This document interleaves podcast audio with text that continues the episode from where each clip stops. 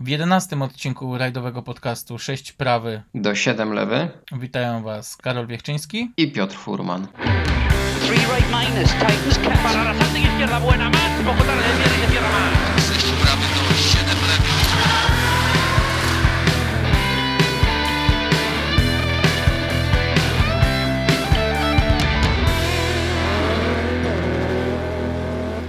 Dużo się działo ostatni weekend. Jesteś rozczarowany? Nie, dlaczego? No bo wiem, że kibicowałeś pewnemu młodemu Finowi. Młody Fin nie wytrzymał ciśnienia. Przydarzył mu się e, mały błąd. E, Myślę, że jeszcze to wielkie zwycięstwo przed nim. E, Nie nakładajmy na niego takiej presji. Ale zwróć uwagę, że Rajd Tysiąca Jezior, bo ja w dalszym ciągu będę tak go nazywał, pokazał jednak swoje pazury. Pokazał jednak, że tutaj doświadczenie, a nie zew młodości robi swoje. Dokładnie i tutaj ja jestem bardzo szczęśliwy, że ten rajd wrócił do kalendarza WRC i mam nadzieję, że już bez większych przerw e, będzie nas cieszył swoją obecnością w kalendarzu. E, Boleję nad faktem, że nie mogłem tam być. E, No niestety. No ty jesteś weteranem tego rajdu. Ile to razy już gościła Chyba- cię ziemia fińska? Chyba 16 razy miałem okazję oglądać ten rajd e, z bliska. Em, Śledziłem e, OS po OS-ie, patrzyłem co się tam dzieje.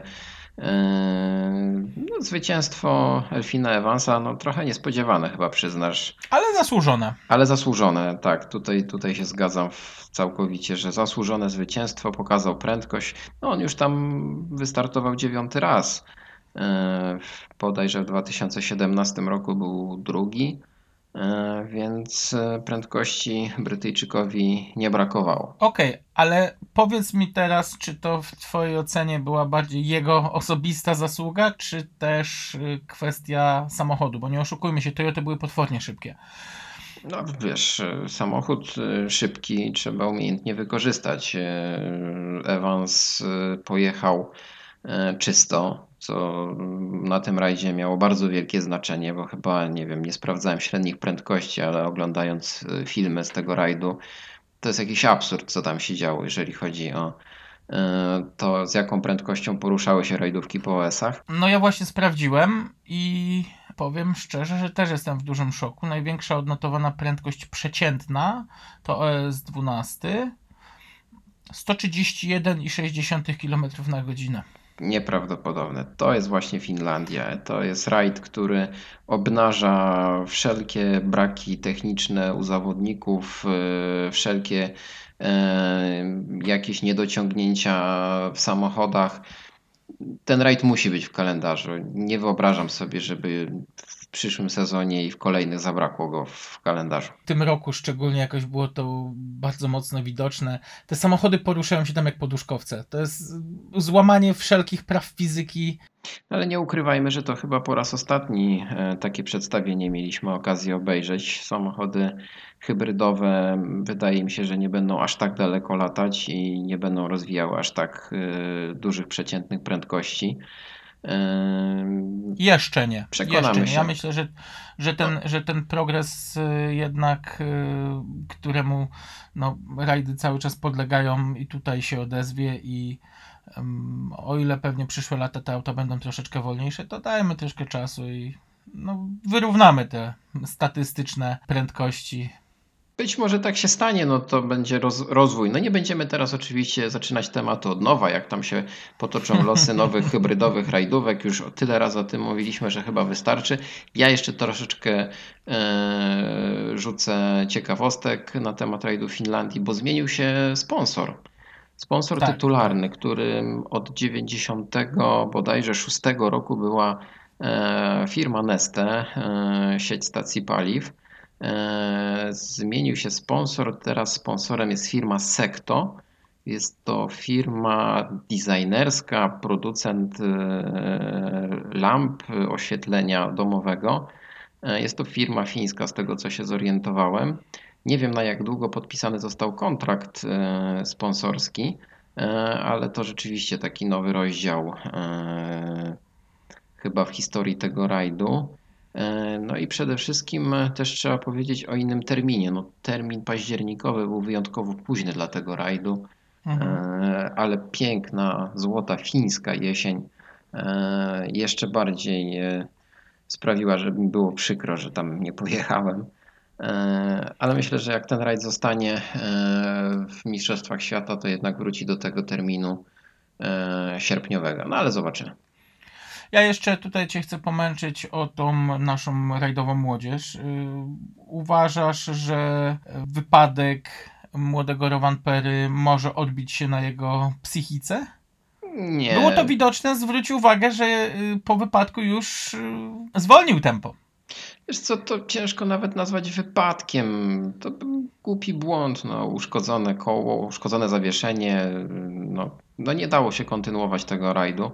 E, Nie, myślę, że nie. Bardziej martwię się Oliwierem Solbergiem, który miał No poważniejszy właśnie. wypadek, dużo poważniejszy wypadek. E, Też to nie był oczywiście jakiś wyjątkowo karkołomny dzwon, e, ale coś tam chyba się zacięło w psychice tego młodego zawodnika i trzeba będzie tam e, mocno popracować chyba. e, Nie wiem, czy z rodzicami, czy, czy z jakimś dobrym psychoterapeutą, nie mam pojęcia.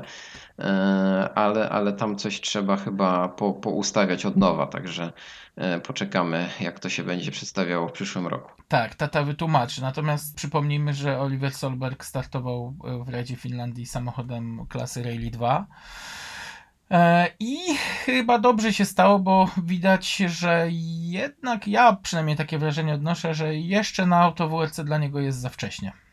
No, coś tam się jeszcze nie, nie poukładało właśnie moim zdaniem w psychice. Jeszcze e, są problemy e, z utrzymaniem takiego, takiej odporności psychicznej chyba, bo tak naprawdę on o nic nie walczy takiego, co powodowałoby, żeby miał wyjątkowo dużą presję. Myślę, że bardziej e, presję wywiera on sam na siebie w tej chwili niż, niż Tak. e, potrzeba jakiegoś konkretnego wyniku. Także e, Tak. no, ja jestem dobrej myśli. To jest, to jest rodzina rajdowa, oni sobie dadzą radę, tam wszystko się poukłada. Muszę wspomnieć o jeszcze jednej fantastycznej rzeczy, która mnie wprawiła w zachwyt. SAP Kalapi e, w prywatnie zgłoszonym Jarisie WRC. No i to taki rodzynek, bo ja już dawno nie pamiętam, żebyśmy mogli oglądać prywatnie zgłoszonego mm, wórca. E, Dla mnie to nie była żadna niespodzianka jego forma na tym rajdzie. E, Nawet jakbym e, typował wyniki, e, żałuję, że tego nie zrobiłem. To właśnie obstawiałem czwarte miejsce dla, dla niego i trafiłem w punkt. E, Lapi jechał bez większego obciążenia. E, Pojechał swoje. Teraz ma dużą szansę, że w przyszłym roku będzie kierowcą fabrycznym. Chociaż jeszcze Latwala dosyć enigmatycznie się wypowiada na ten temat, więc też czas pokaże. Yy, Także no, rajd poukładał się no, poza tym przypadkiem młodego Rovanpery chyba po myśli większości zawodników. Kolejnym rajdem, który rozegrany został w poprzedni weekend, był rally Sierras de Fafe a Felgueiras. O, o, widzę, że się pokusiłeś o pełną nazwę. Tak, czyli Fafe. Rajd Tak. Fafe wystarczy. Tak, wszyscy, wszyscy wiemy o jaki rajd chodzi, czyli kolejna runda Mistrzostw Europy. e, Z udziałem naszego eksportowego e, duetu e, Marczyk-Gospodarczyk. E, I niestety nie poszło po myśli e, chłopaków e, ze Skody. Dopiero dziewiąte miejsce w generalce, ale i tak po tych stratach z pierwszego chyba odcinka Mhm. specjalnego, na którym złapali kapcia, całkiem dobrze to się dla nich skończyło. Skończyło się to dla nich na tyle dobrze, że po e, nieukończeniu rajdu przez e, Larenę Tak, e, skoczyli na drugie miejsce w tak, punktacji. to jest Także, no i oczywiście Michelin Talent Factory zwycięstwo, także gratulujemy. Wynik zasłużony. To był trudny rajd, no. Mokro, deszczowo, te szutry takie mocno wymęczone. Tak mi się trochę Portugalia 2001 przez chwilę przypomniała. Także myślę, że nie ma co narzekać. Jeszcze zostały dwa rajdy. Jak panowie wytrzymają ciśnienie, to być może będziemy się cieszyć z tytułu wicemistrzów Europy. E, Zwyciężył oczywiście Andreas Mikkelsen, to chyba nie jest y, niespodzianka. Natomiast y, dla mnie ten rajd miał jeszcze jednego bohatera. I jest to postawa Aleksieja Łukaniuka, który końcówkę rajdu kończył bez przedniego napędu, co w takich warunkach naprawdę wymaga nadludzkich umiejętności, żeby utrzymać to drugie miejsce. Gość zaskakuje, wiesz, w każdy możliwy sposób. Łukianiuk startuje w rajdzie, są emocje, to jest gwarantowane z jego strony, także nieważne w jaki sposób te emocje nam dostarcza, ale jednak zawsze będzie ciekawie, także gość znowu przeszedł samego siebie, tym razem na szczęście pozytywnie, do, dokończył, dojechał do mety, także gratulujemy. A y, przypadkiem nie zaskoczył Cię tylko tym razem negatywnie Dani Sordo? Dopiero 12 pozycja. No, nie pamiętam, nie kojarzę w tej chwili, co tam się działo dokładnie, jakie on tam miał problemy, no ale rzeczywiście, no, wszyscy spodziewali się pierwszej trójki. Ale to, tak jak już wspomniałem, to był bardzo trudny rajd. Warunki atmosferyczne, te szutry, to są odcinki znane z rajdu Portugalii, także Mhm. no, panowie nie mieli łatwo. Odsiew w naturalny sposób tam nastąpił. Ze skąpanej deszczem Portugalii przenieśmy się jeszcze w nasze Sudety. E, 49. rajd Świdnicki. No i niespodzianka. Zwycięstwo Kacpra No, Wróblewskiego. najpierw to- Tak, tutaj e, wróble wygrały rajd. Tak. To mi się skojarzyło. Gratuluję chłopaki, jeśli będziecie nas słuchać. Naprawdę czekałem na to zwycięstwo bardzo długo. Mam nadzieję, że e, teraz już będzie z górki. No, tylko tyle mam do powiedzenia w tym temacie. Cieszę się ogromnie z tego zwycięstwa i cieszę się tym bardziej, że to akurat na tak klasycznych i legendarnych odcinkach e, nastąpiło. Okej, to co? To teraz przechodzimy do tematu. To nic, jeszcze nic nie chcesz powiedzieć, bo w Nie, końcu no ja co, ciągle co będę mówił? No, No uzupełnij podium. Uzupełnę, dobrze, to jeszcze z reporterskiego obowiązku należy uzupełnić podium, bowiem w pobitym polu został ym, Wojtek Kuchała y, pilotowany przez Sebastiana Rozwadowskiego, ym, a na najniższym stopniu stanęli Sylwester Płachytka z, Jarkiem, z Jackiem Nowaczewskim.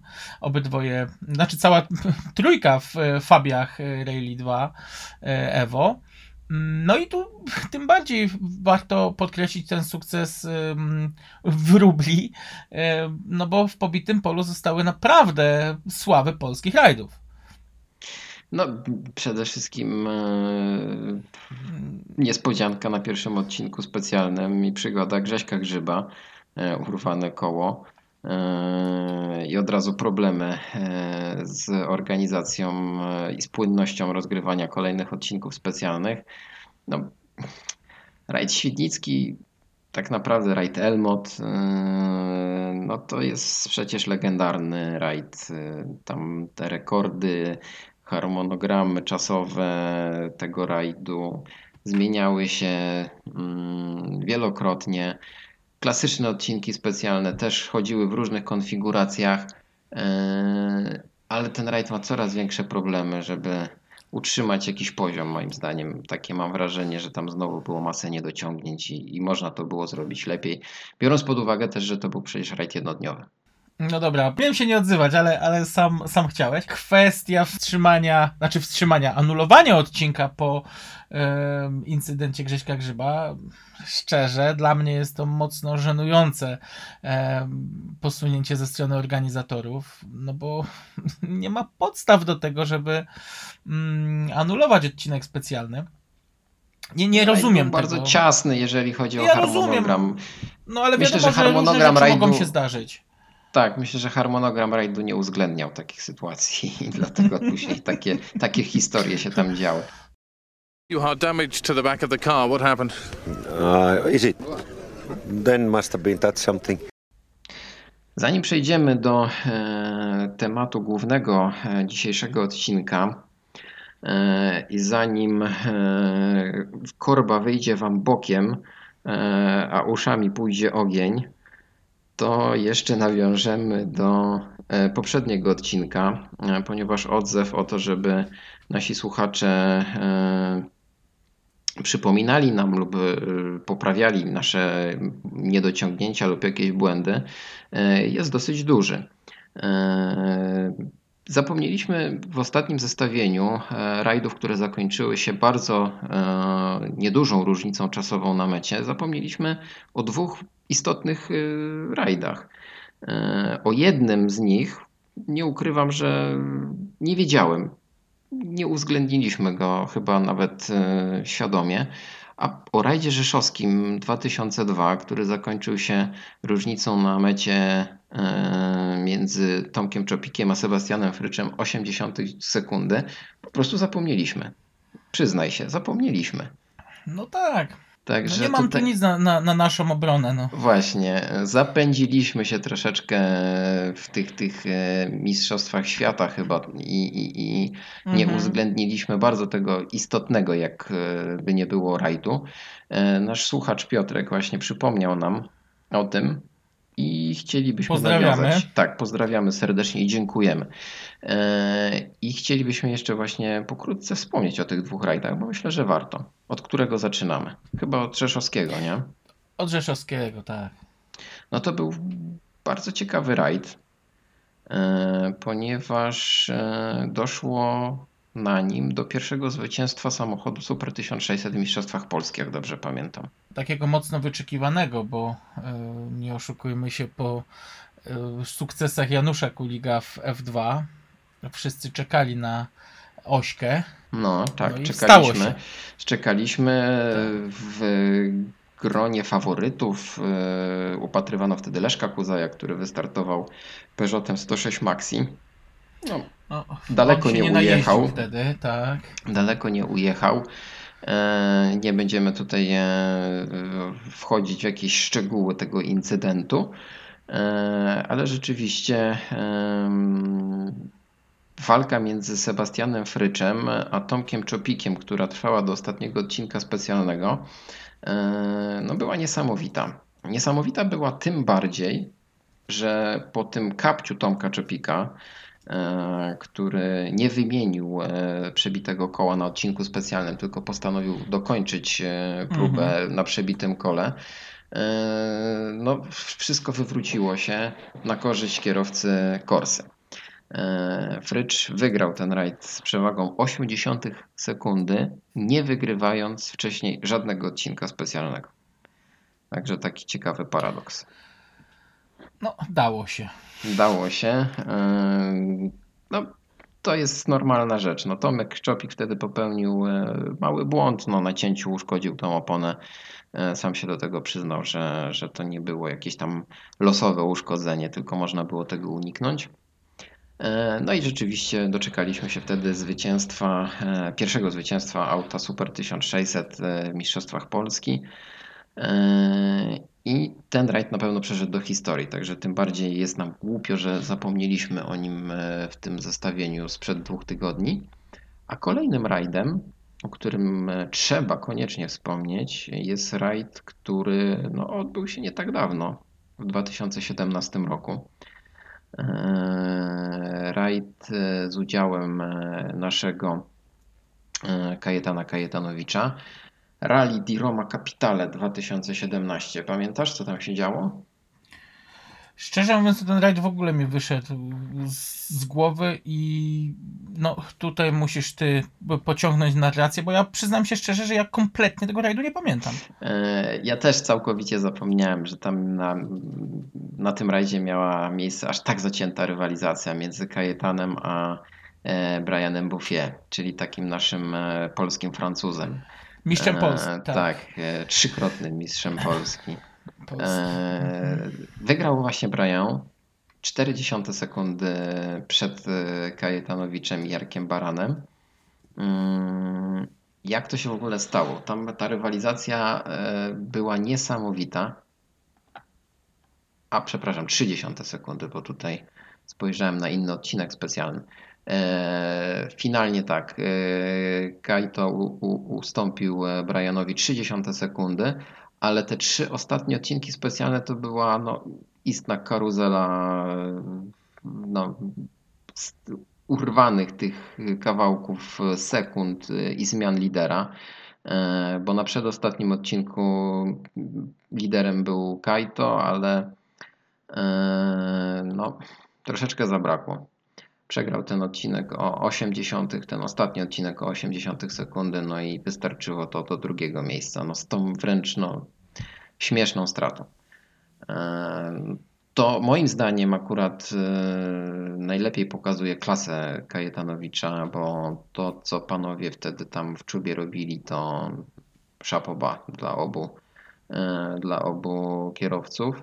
E, To był ostatni sezon e, Kajta w Mistrzostwach Europy i trzeci z rzędu tytuł jego, także w takim stylu zdobyty tytuł no, musiał wyjątkowo smakować.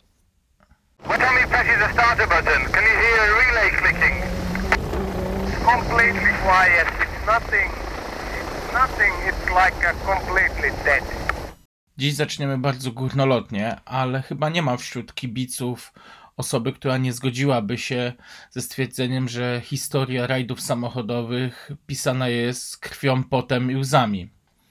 Dziś porozmawiamy sobie właśnie o tych łzach. I skupimy się tylko na Mistrzostwach Świata, bo chyba najlepiej przypomnieć o tym, że to właśnie ci mistrzowie z piedestału też mają czasem gorsze chwile.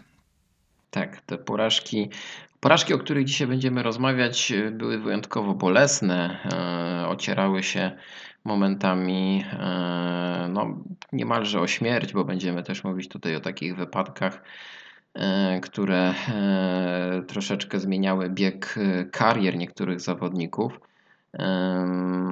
Nie będziemy epatować jednak tragedią, sensacją. Skupimy się na kilku przypadkach, które rzeczywiście przeszły do historii i spowodowały, że e, dla kierowców, o których będziemy mówić, e, były to punkty zwrotne, na pewno. No, a tych pechowców trochę było. Tak, kilka nazwisk padnie. Pewnie sobie już zdajecie sprawę, e, kogo weźmiemy na tapetę i o jakich sytuacjach będziemy mówić, ale po kolei. Może zaczniemy tak dla nas w naturalny sposób, czyli chronologicznie, po kolei i, i, i, i rozpoczniemy ten e, maraton pechowców. Z automatu pierwszą osobą, która tak nasuwa mi się myśląc o największych pechowcach jest niestety Ari Vatanen. Jeden z moich ulubionych kierowców ery lat 80. Gość, który z radością demolował nadwozia Fortów Escortów jeszcze od Davida Satona. To później zaprocentowało, robiąc mu miejsce w zespole fabrycznym Opla, w którym Sukcesów nie odniósł.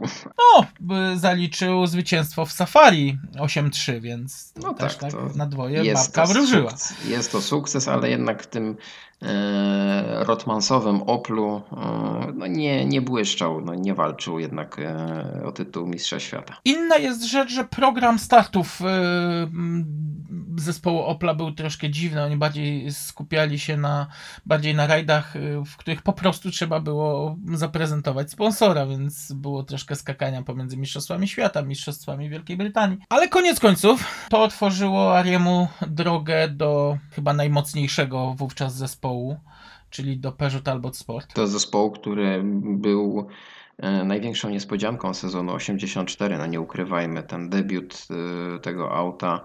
Zawsze będę powtarzał, że troszeczkę miał miejsce za późno i ten sezon 84 mógłby zupełnie inaczej wyglądać, gdyby te samochody zadebiutowały na Monte Carlo, a nie na Korsyce. Ale Znaczy, plan debiutu 205 był zupełnie inny. To, że ona zadebiutowała dopiero e, podczas Tour de Corse, to no, zrządzenie losu, bo plan był taki, żeby ten samochód zadebiutował jednak na Monte Carlo. Mm, ale o tym jeszcze kiedyś powiemy, bo na pewno do, do historii Peugeota 205 mm, wrócimy. Natomiast y, Ari od swojego debiutu właśnie za kierownicą czteronapędowego samochodu z centralnym silnikiem dał się pokazać z jak najlepszej strony. Niestety brakło troszkę szczęścia w 1984 roku na Korsyce. Start zakończony wypadkiem, Ari troszkę przedobrzył w swoim stylu. Kolejna impreza, czyli rajd Akropolu, posłuszeństwo odmówił silnik. Natomiast to, co działo się później od rajdu Tysiąca Jezior poprzez Sanremo e, i kończący sezon RAC, no to był popis umiejętności latającego Fina. Trzy pierwsze miejsca. I świetny prognostyk na sezon 85, który miał być tym sezonem właśnie, w którym e, Ari miał szansę zdobyć tytuł Mistrza Świata. No właśnie, i teraz ja mam takie wrażenie, że e, oprócz e, talentu i szybkości, Ari do Peugeota przyciągnął jeszcze e, to swoje słynne Vatanens Luck, czyli szczęście Ariego.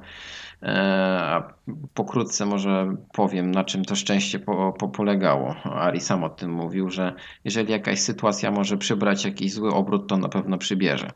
E, No i, i w przypadku Ariego e, to takie dziwne fatum krążyło nad nimi, nad zespołem. Tak jak wspomniałeś, dwie korsyki z rzędu nieukończone, 84-85, gdzie no, ten drugi wypadek skończył się już wtedy poważnymi obrażeniami, na szczęście nie dyskwalifikującymi go z dalszej kariery.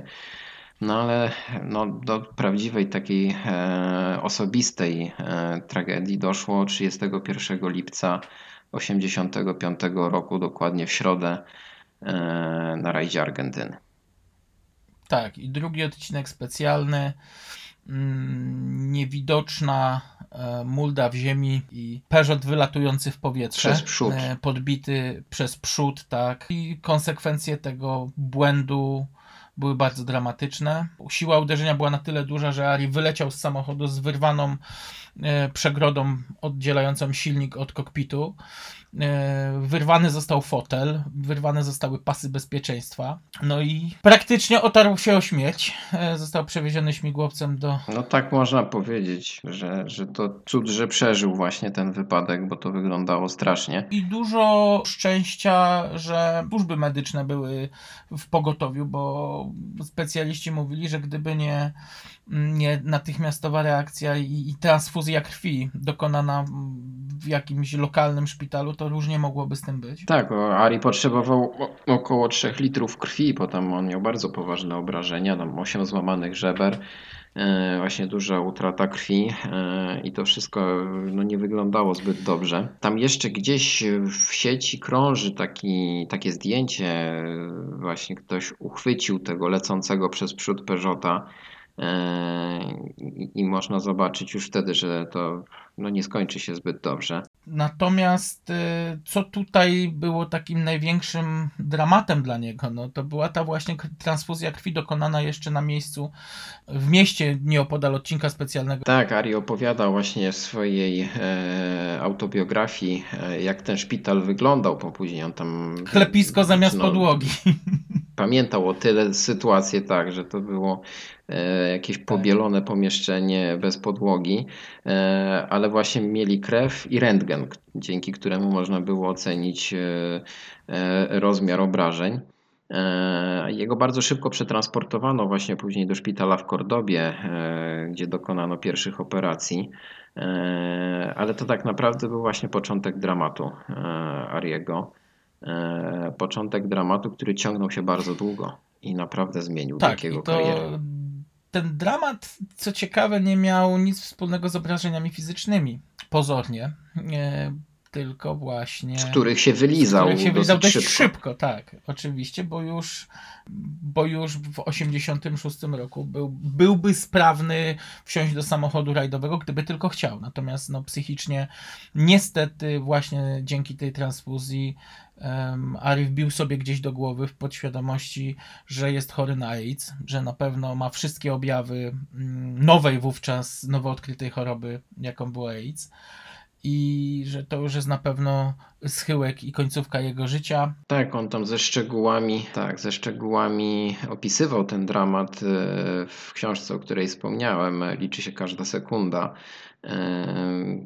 No, rzeczywiście nie wyglądało to dobrze, bo e, on przechodził poważną depresję, e, która no, nie pozwalała mu normalnie funkcjonować, a do tego doszły takie e, no, mocne, e, mocne przeświadczenie o tym, że jest chory on, że zaraził najbliższą rodzinę że wszyscy go śledzą, działają na jego niekorzyść. Stany No, lękowe. naprawdę nie wygląda. Mhm. Tak, stany lękowe.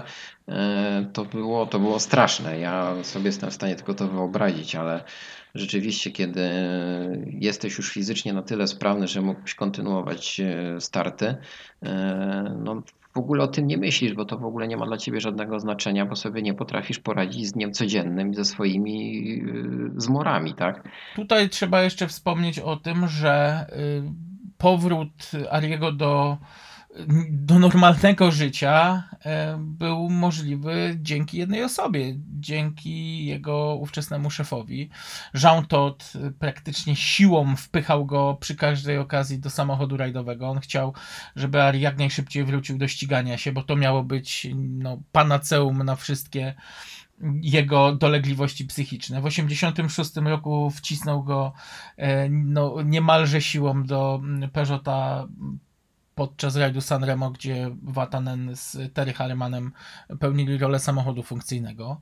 Mm, Rok później e, w jakimś lokalnym rajdzie w Finlandii również e, Vatanen wystartował próbując robić dobrą minę do złej gry, natomiast no to nie, nie, nie, niekoniecznie wychodziło. No i dopiero e, 87 rok to start w rajdzie Paryż-Dakar. Również praktycznie siłą e, zwerbowany do samochodu rajdowego i, i, i wsadzony do 205, do, do przedłużonej 205 T16. Mm, I miałem przyjemność rozmawiać na temat tego mm, epizodu z samym Arim.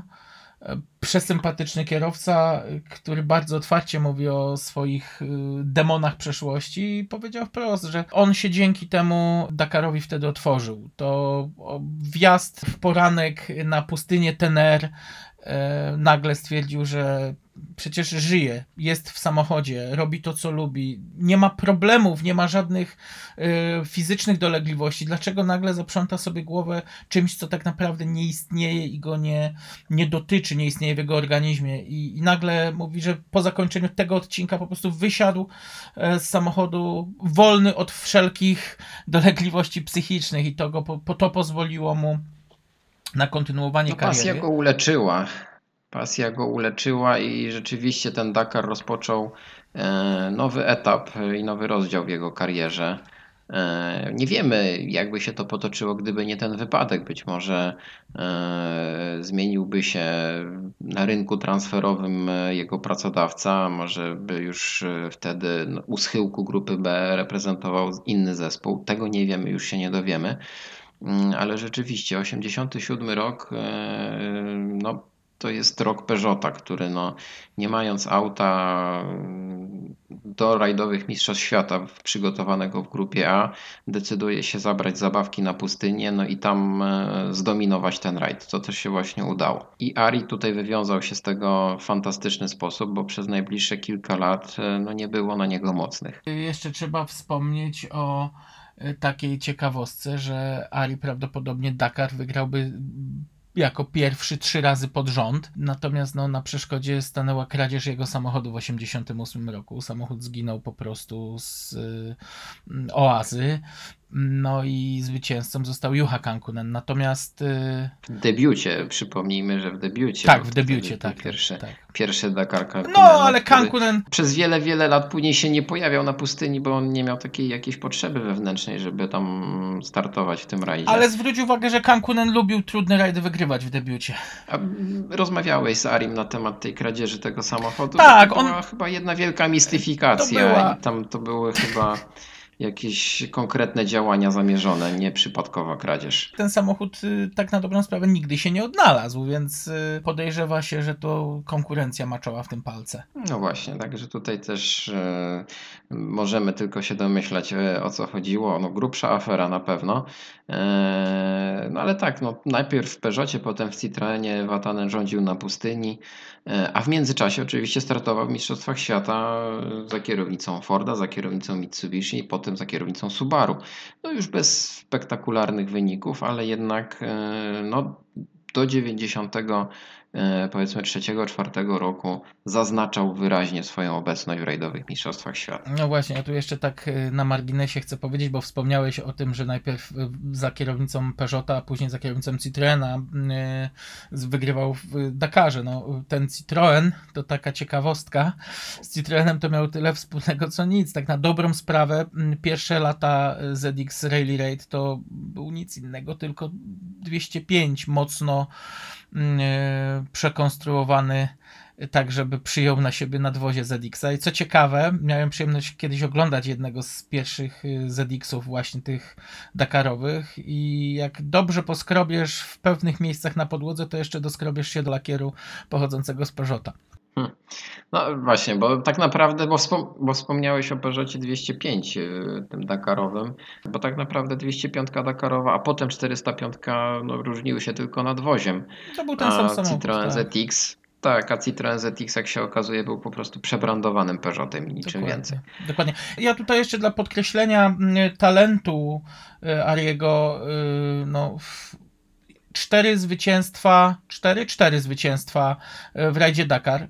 To o czym świadczy. I to nie był taki Dakar, z jakim mamy do czynienia dzisiaj. To były mordercze imprezy, mm, gdzie, no, brzydko mówiąc, trup ścielił się gęsto.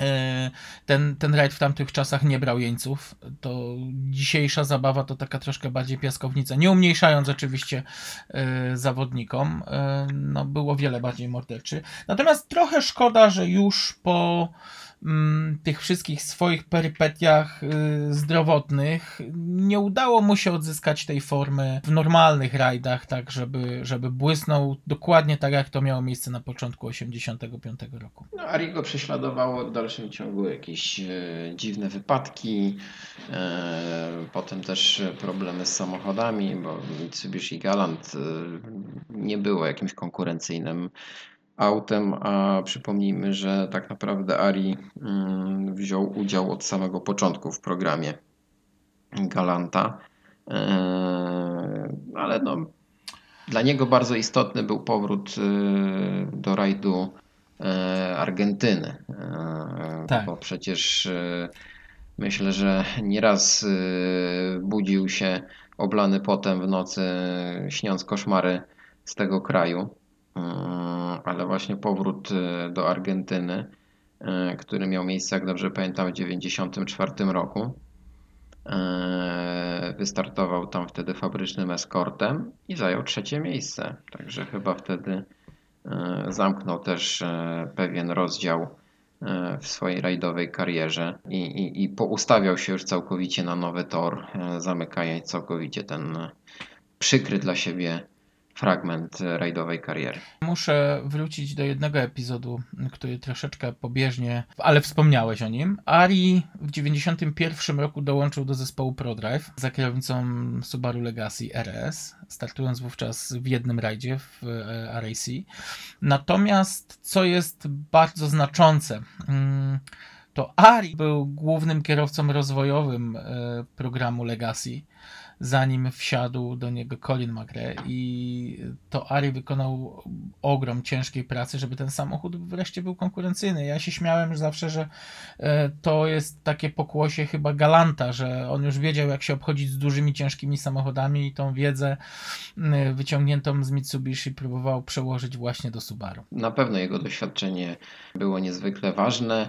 Jego doświadczenie było też e, bardzo istotne i motywujące właśnie dla samego Colina, który e, no, był dumny z tego, że startuje w zespole obok tak utytułowanego kierowcy.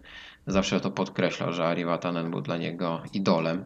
E, No i rzeczywiście, no, szczególnie w Finlandii 92 e, Colin próbował dogonić swojego idola. Kończyło się to dwukrotnymi rolowaniami, ale rzeczywiście mm, spotkanie młodego kierowcy, który już niedługo miał zdominować Mistrzostwa Świata i właśnie powoli kończącego karierę Ari Vatanena, e, no było takie, e, można powiedzieć teraz, e, legendarne.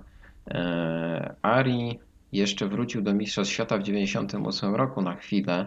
E, Za kierownicą eskorta pojechał, e, fabrycznego eskorta pojechał Mhm. dwa rajdy e, w miejsce Bruno Tiri. Był bardzo przydatnym e, kierowcą. W- Kenii był trzeci, w Portugalii był piąty, potem jeszcze kilka startów e, prywatnym eskortem, jeden start e, fabrycznym Subaru Impreza w rajdzie Network Q. No, To, To przez, nazwisko to przez stare znajomości z Davidem. Richardsem. Tak, to tak, ze swoim pilotem, z którym zdobył tytuł Mistrza Świata przecież. To nazwisko w dalszym ciągu było na topie i jest na topie. Miałem okazję uścisnąć dłoń i poprosić o autograf e, Ariego na ostatnim Rally Legend. E, No ten gość widać, że kocha ten sport, a w parze z Fabrycją Pons no, są no, fantastycznym duetem. No, widziałem w ich oczach tak wielką radość, że mogli wsiąść do tego eskorta i pościgać się znowu, e, że no, chciałbym jeszcze raz zobaczyć to kiedyś. Powiedziałeś, że Ari kocha ten sport. Ja jeszcze muszę powiedzieć, że Ari przede wszystkim kocha życie. To widać podczas każdej jakiejś dłuższej rozmowy z nim. E, On emanuje tak pozytywną energią, tak nakręca do życia, do takich zwykłych ludzkich radości. No naprawdę polecam każdemu porozmawiać nawet przez krótką chwilę z Arim. Od razu odejdziecie z uśmiechem na ustach. Niesamowity człowiek. Posiadając taki duży bagaż, bagaż doświadczeń, to rzeczywiście e, no, no, fantastyczny gość, e, który udowodnił, że można wyjść e, z największego dramatu, stanąć na nogi i znowu być najlepszym, no bo przecież nie był cieniem zawodnika sprzed wypadku, stał się jeszcze lepszy. I pomimo, że to już wszystko się przeniosło na pustynię, to jednak to w dalszym ciągu jego nazwisko e, było na ustach wszystkich. Kolejną postacią na naszej liście jest pan Maximum Attack, czyli Marco Allen. Marco 11-dniowy mistrz Znowu świata. Fin. Znowu Fin, tak? Tak, Takie 12 czasy były właśnie, świata. że ta ekipa latających Finów zdominowała w tamtym czasie rajdowe Mistrzostwa Świata. Właśnie, bo pod nieobecność e, Watanena, który pauzował po wypadku, w 1986 roku e, działo się bardzo dużo. No Działo to się chyba jeden dużo. z ciekawszych sezonów E. w historii Mistrzostw Świata. Tak, to też warto byłoby porozmawiać e, tylko i wyłącznie o tym sezonie, E, ale rzeczywiście ostatni sezon e, z rajdówkami grupy B, mm, z tak zwaną dużą grupą B, e, był sezonem e, kontrowersyjnym. No co tu dużo mówić. E, To, co się działo e, po rajdzie Sanremo nie powinno się wydarzyć i nie przyniosło chluby ani Federacji Międzynarodowej Samochodowej, ani zespołowi Peugeota, e, ani ludziom, którzy podejmowali wtedy decyzje. Mówiąc o zachowaniu FIA, a w zasadzie FISA, mm, ja jeszcze chciałbym cofnąć się kilka miesięcy wstecz w obrębie 1986 roku do rajdu Portugalii, gdzie po wypadku Santosa em, kierowcy po prostu zastrajkowali, powiedzieli, że nie będą kontynuować y, udziału w rywalizacji, nie chcą jechać w rajdzie mm, Portugalii. E, Natomiast włodarze FIA bardzo mocno zareagowali, mówiąc wprost, że oni po prostu poodbierają im licencję. Także No fakt, tam sprawa stanęła na ostrzu noża. tak, E, Takim przewodniczącym tej grupy strajkującej chyba był Walter, Walter, z tego tak, co tak. pamiętam. to co mówił otwarcie, że on nie jest mordercą, tylko kierowcą rajdowym. Tak, on tutaj był bardzo stanowczy. On zawsze w swoich y, osądach i opiniach był stanowczy i konkretny, E, ale rzeczywiście y, no, wrzało od samego początku, jeżeli chodzi o sezon 86. E, Wszystko zmierzało tak naprawdę w jednym kierunku, żeby ten e, etap e, tej szalonej pogoni B-grupowych rajdówek no, zakończył się, no bo to naprawdę już się wymykało spod kontroli. Nie wyglądało to dobrze. No i przyszedł czas na rajd Sanremo. Pamiętasz może, kiedy ten rajd był rozgrywany? Chyba to był październik. To już była taka decydująca faza e, Mistrzostwach Świata w 86 roku. E, No i troszeczkę Peugeotowi zaczęła uciekać Lancia wtedy. E, I tam już trzeba było sięgnąć do mniej, zaczyst... do mniej e, czystych e, zagrywek. Ale y, co masz na myśli, mówiąc mniej czyste zagrywki? Mówisz tutaj o Włochach czy o Francuzach? No, Bo na No, tą sprawę można patrzeć z tym- dwóch stron tak naprawdę. Jak najbardziej masz rację, ale rozmawialiśmy na ten temat, że oczywiście jedni i drudzy e, nie grali fair i, i- i nie byli zgodni z regulaminem, jeżeli chodzi o, o przygotowanie samochodów. E, Tylko, że Peugeot e, i Francuzi sięgnęli do takiej najcięższej broni, tak? Mając e, w rękach władzę, czyli rządząc federacji, Międzynarodowej Federacji Samochodów, no, spowodowali anulowanie, całkowite anulowanie wyników rajdu Sanremo. Okej, okej, ale Z trochę, powodu, z powodu Peugeota, tak? No Okej. to wiesz, no, ale trochę się to zagalopowałeś naprawdę tutaj. Mm. Bo, bo pierwsze ja bym chciał tu wrócić do, mm, do źródeł, bo może nie wszyscy słuchacze pamiętają o co poszło. Otóż e, podczas badania technicznego przed rajdem komisarze, notabene włoscy, no rzecz się dzieje w Sanremo, zakwestionowali kurtyny boczne, które nagle pojawiły się przy progach Peugeota 205 T16 Evo2 i no, co tu dużo mówić, miały wprowadzić element przyziemienia samochodu. On, te, te kurtyny po prostu pomagały wytworzyć e, podciśnienie pod autem i, ukierunkować przepływ tego, tego powietrza. No i włoscy komisarze stwierdzili, że jest to niezgodne z regulaminem i wykluczyli zespół Peugeota z rywalizacji. W pełni zasłużenie moim zdaniem. No, okej, można to dwojako rozpatrywać. Zwycięzcą rajdu Sanremo pod nieobecność Peugeota e, był wspomniany Marco Allen. Mm, On no, zdeklasował rywali, no ale z drugiej strony też nie miał się z kim ścigać, nie oszukujmy się. E, Kolejnym rajdem w kalendarzu był rajd Wielkiej Brytanii i tutaj też obyło się bez niespodzianek, bowiem rajd Wielkiej Brytanii e, padł łupem Peugeota. Mm, Allen był drugi, no a kończącym e, zmagania w rajdowych Mistrzostwach Świata był w 1986 roku rajd Olympus w Stanach Zjednoczonych, gdzie znowu na najwyższym podium stanął Allen. Efekt tego był taki, że mistrzem świata został em, Marku Allen i został tak naprawdę już koronowanym mm, mistrzem świata. Tyle tylko, że Lancia nie No, wzięła pod No uwagę właśnie. tego, że Peugeot złoży odwołanie. No tak, tylko że złożyć odwołanie, a potem to, co się stało podczas y, posiedzenia y, w grudniu 86 roku, posiedzeniu FISA, y, no to są już dwie różne rzeczy. No.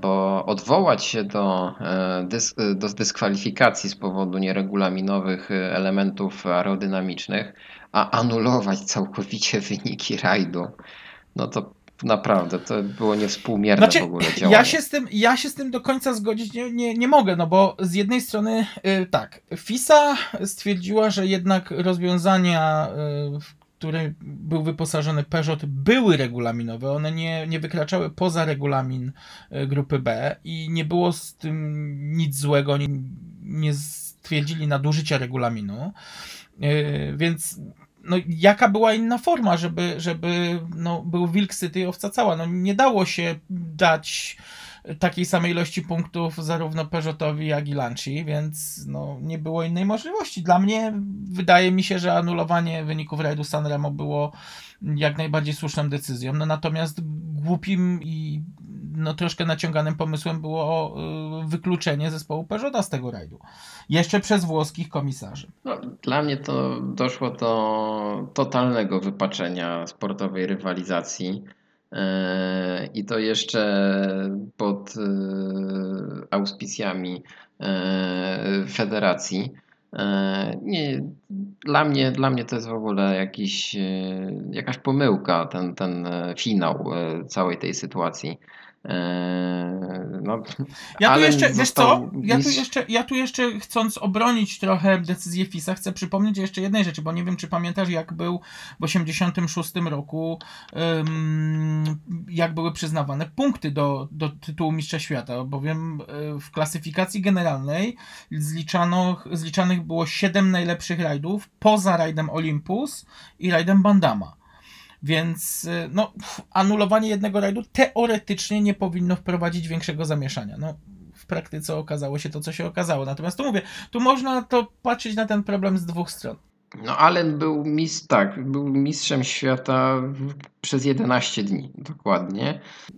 No było to na pewno krzywdzące dla niego samego i e, no, Marco Allen tak przeszedł do historii, tak bardzo długo jako e, kierowca, który wygrał największą ilość odcinków specjalnych w Mistrzostwach Świata, e, dopóki oczywiście nie zdetronizował go sam Sebastian Loeb. E, Ale przypomnijmy też, że Marco Allen jest posiadaczem Pucharu Świata Kierowców z 1978 roku, czyli e, pucharu, który był przyznawany zanim e, wprowadzono Mistrzostwa rozgrywki Mistrzostw Świata Kierowców. Kierowców, tak, tak, bo tak, Mistrzostwa Świata Marek e, od 73 roku prowadzono. E, Więc e, Okej, ale ja w dalszym tutaj ciągu wszystko... oczywiście Allen jest kojarzony z jednym z najlepszych kierowców świata. Okej, ale ja tu mimo wszystko jednak uczepię się troszkę jak grzyb psiego ogona tego sezonu 86. Czy chcesz mi powiedzieć, że Juha Kankunen w takim razie dostał y, tytuł niezasłużenie? Nie do końca. No, dla Cankunena to też był rewolucyjny moment w jego karierze. To była pierwsza poważna rajdówka. No, oczywiście Toyota Celica, którą startował rok wcześniej, no, też była konkretnym samochodem rajdowym, ale nie posiadała napędu na cztery koła. A w 1986 roku Juha dostał auto, które no, było najlepsze, no, No jedne z najlepszych. No, Lancia Delta S4 no, już wtedy też była samochodem bardzo konkurencyjnym. E, Nie, nie powiem tak, że to było niezasłużone, tak, ale Zwróć... ja mam w dalszym ciągu poczucie takie, że doszło do bardzo dużego nadużycia. Do nadużycia z, z francuskiej strony, no. Bo, bo inaczej tego nie jestem w stanie nazwać. I tak będę w dalszym ciągu uważał. Nie powinno się to tak zakończyć. E, Zostały wypaczone te wyniki, ta rywalizacja. E, I no nie wiem, no dzięki temu owszem mamy teraz temat, tak. Do, do, Nie, no oczywiście, ja tylko, ja tylko tu w dalszym ciągu będę podkreślał to, że w przypadku em, walki pomiędzy Juchą Kankunenem a Marku Allenem, e, okej, i nie mówię tutaj o moich sympatiach do kierowców Peugeota, natomiast muszę tu przyznać jedno, że e, patrząc na końcówkę 86 roku, mm, Kankunen miał na swoim koncie trzy zwycięstwa w Szwecji, Grecji i w Nowej Zelandii, podczas gdy Allen, y, no pff, tylko jedno i to w rajdzie, który nie był zaliczany, nie był wliczany do punktacji mm, Mistrzostw Świata kierowców. Y, Mówię tu o rajdzie Olympus. Więc y, Tak. kwestia nieukończonych rajdów. y, Allen 4, Cancunen tylko 2, więc ten sezon obiektywnie patrząc był dużo lepszy dla e, Cancunena, więc wydaje mi się, że no dobrze się stało, że to Cancunen został mistrzem świata. Natomiast owszem, 11 dni mm, i odebranie tego tytułu, no było to bardzo krzywdzące dla Marku Allena. No właśnie, i do tego właśnie zmierzam, że yy, no nie tak to powinno wyglądać, yy, ale rzeczywiście historia yy, tego sezonu jest takim przykładem chyba, że Francuzi zawsze mogli więcej. Tak, francuski syndrom. Ja I to potem nazywam. się- Mhm. Tak, i potem to się przecież przejawia, czy, czy w przypadku Peugeota 206 WRC, e, który, na potrzeby którego też nagle został zmieniony regulamin e, WRC. Hiszpanie Eee. zgrzytali zębami. Tak, którzy przygotowywali Ibizę. W- I była za krótka. WRC, a była za krótka. No właśnie, to są takie historie, które pokazują, że e, no ten, kto jest u władzy, może więcej. No. Kiedyś, wiesz co, kiedyś Ale dobra, będziemy okej. musieli y, nagrać odcinek o właśnie francuskim syndromie w y, rajdowych mistrzostwach świata, bo to bardzo ciekawy temat. Dobrze. Ale nie, nie, nie kończmy z Francją.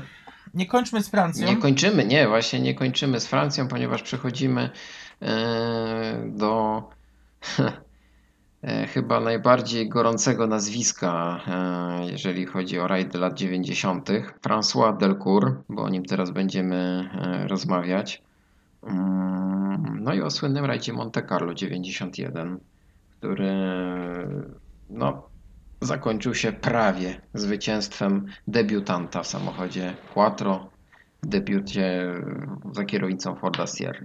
No ja z tego y, okresu to mam takie dziecięce wspomnienia, jak y, z tatą oglądałem ten rajd i praktycznie za serce mnie łapało widok Delcura, który płakał po urwaniu koła. To było No wiesz, rozczulające. To było rozczulające, co prawda te łzy bardziej e, w przypadku Delcura e, to pochodziły chyba z jego jakiejś wrodzonej nerwicy, bo on przecież zawsze reagował emocjonalnie i to już później też się mu to przydarzało. E, Ale rzeczywiście ten Monte Carlo e, 1991 przeszło do historii, ponieważ tam doszło do walki starego wyjadacza, dobrze, może jeszcze wtedy nie starego, ale już bardzo doświadczonego Carlosa Sainza e, z kierowcą, który jeszcze rok wcześniej startował za kierownicą Peugeota 309 e, i nikt się nie spodziewał, że nagle e, zostanie dołączony do składu fabrycznego Forda. No właśnie. Debiutant i potrafił pogonić kota dużo bardziej doświadczonym załogą. Czy to przypadkiem też nie był pierwszy sezon dla czteronapędowego mm, Coswortha? Mm, pe- Taki sezon w Mistrzostwach Świata, tak, tak. tak. e, No właśnie. Bo to był debiut e, no, nowym samochodzie nowego kierowcy. Tak? To się No, rzadko to zdarza, Była że- wschodząca, tak, No. to była wschodząca gwiazda, więc tam rzeczywiście e, francuskie media e, były no, w niebo wzięte takim e, przebiegiem tego rajdu. I pomimo, że przez praktycznie cały rajd liderował Carlos Sainz, to jednak właśnie wszystko rozegrało się na końcu. To François przejął prowadzenie kilka odcinków przed końcem tego rajdu, jak dobrze pamiętam. E, No i nie wytrzymał presji. No nie ukrywajmy, że to jednak był jego błąd i to, co się stało, to była jego wina. Dokładnie, to był bodaj y, przedostatni odcinek specjalny, gdzie popełnili błąd i oni mieli dużo szczęścia, że w ogóle udało im się dojechać do mety, bo w innym przypadku to jeszcze bardziej byłoby bolesne, tak to przynajmniej mieli na otarcie łez trzecie miejsce, natomiast no faktycznie był to dla niego dramat, ale nie był to jedyny dramat w jego karierze i to chyba musisz się No zgodzić. nie, ale przypomnijmy, przypomnijmy właśnie, że ten ostatni etap e, to był nocny etap. E, On rozpoczął się o 16.33 e, i zakończył się o 6 rano. E, Więc tym takim bladym świtem e, François pożegnał się z tym zwycięstwem, które było już tak blisko. Oczywiście wszyscy mu powtarzali, no jest fantastycznie, jesteś trzeci, podium, ale on to odbierał jako wielką, no, osobistą tragedię, nawet nie porażkę, tylko właśnie tragedię. Enchantal Pouvel, wtedy jego pilotka e, i partnerka, bardzo często gdzieś jeszcze tam wspomina e, te wydarzenia. Widzę, że to chyba żyje w nich w dalszym ciągu e, ten rajd, to co się wtedy tam działo. A przypomnijmy, że ten rajd naprawdę był takim Monte jeszcze z tych dobrych lat. Tak.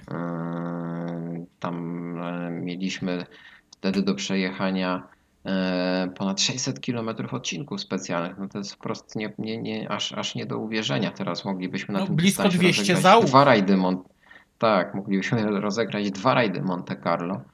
E, A wtedy to był jeden rajd. E, Czas zwycięzcy Carlosa Sainza oscylo- oscylował w granicach 7 godzin spędzonych na odcinkach specjalnych.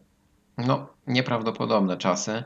E, No i ta walka, która właśnie przeszła do historii. No szkoda, natomiast jak już wspomniałem, to nie był jedyny dramat e, i łzy François. On miał jeszcze więcej pecha w swojej karierze.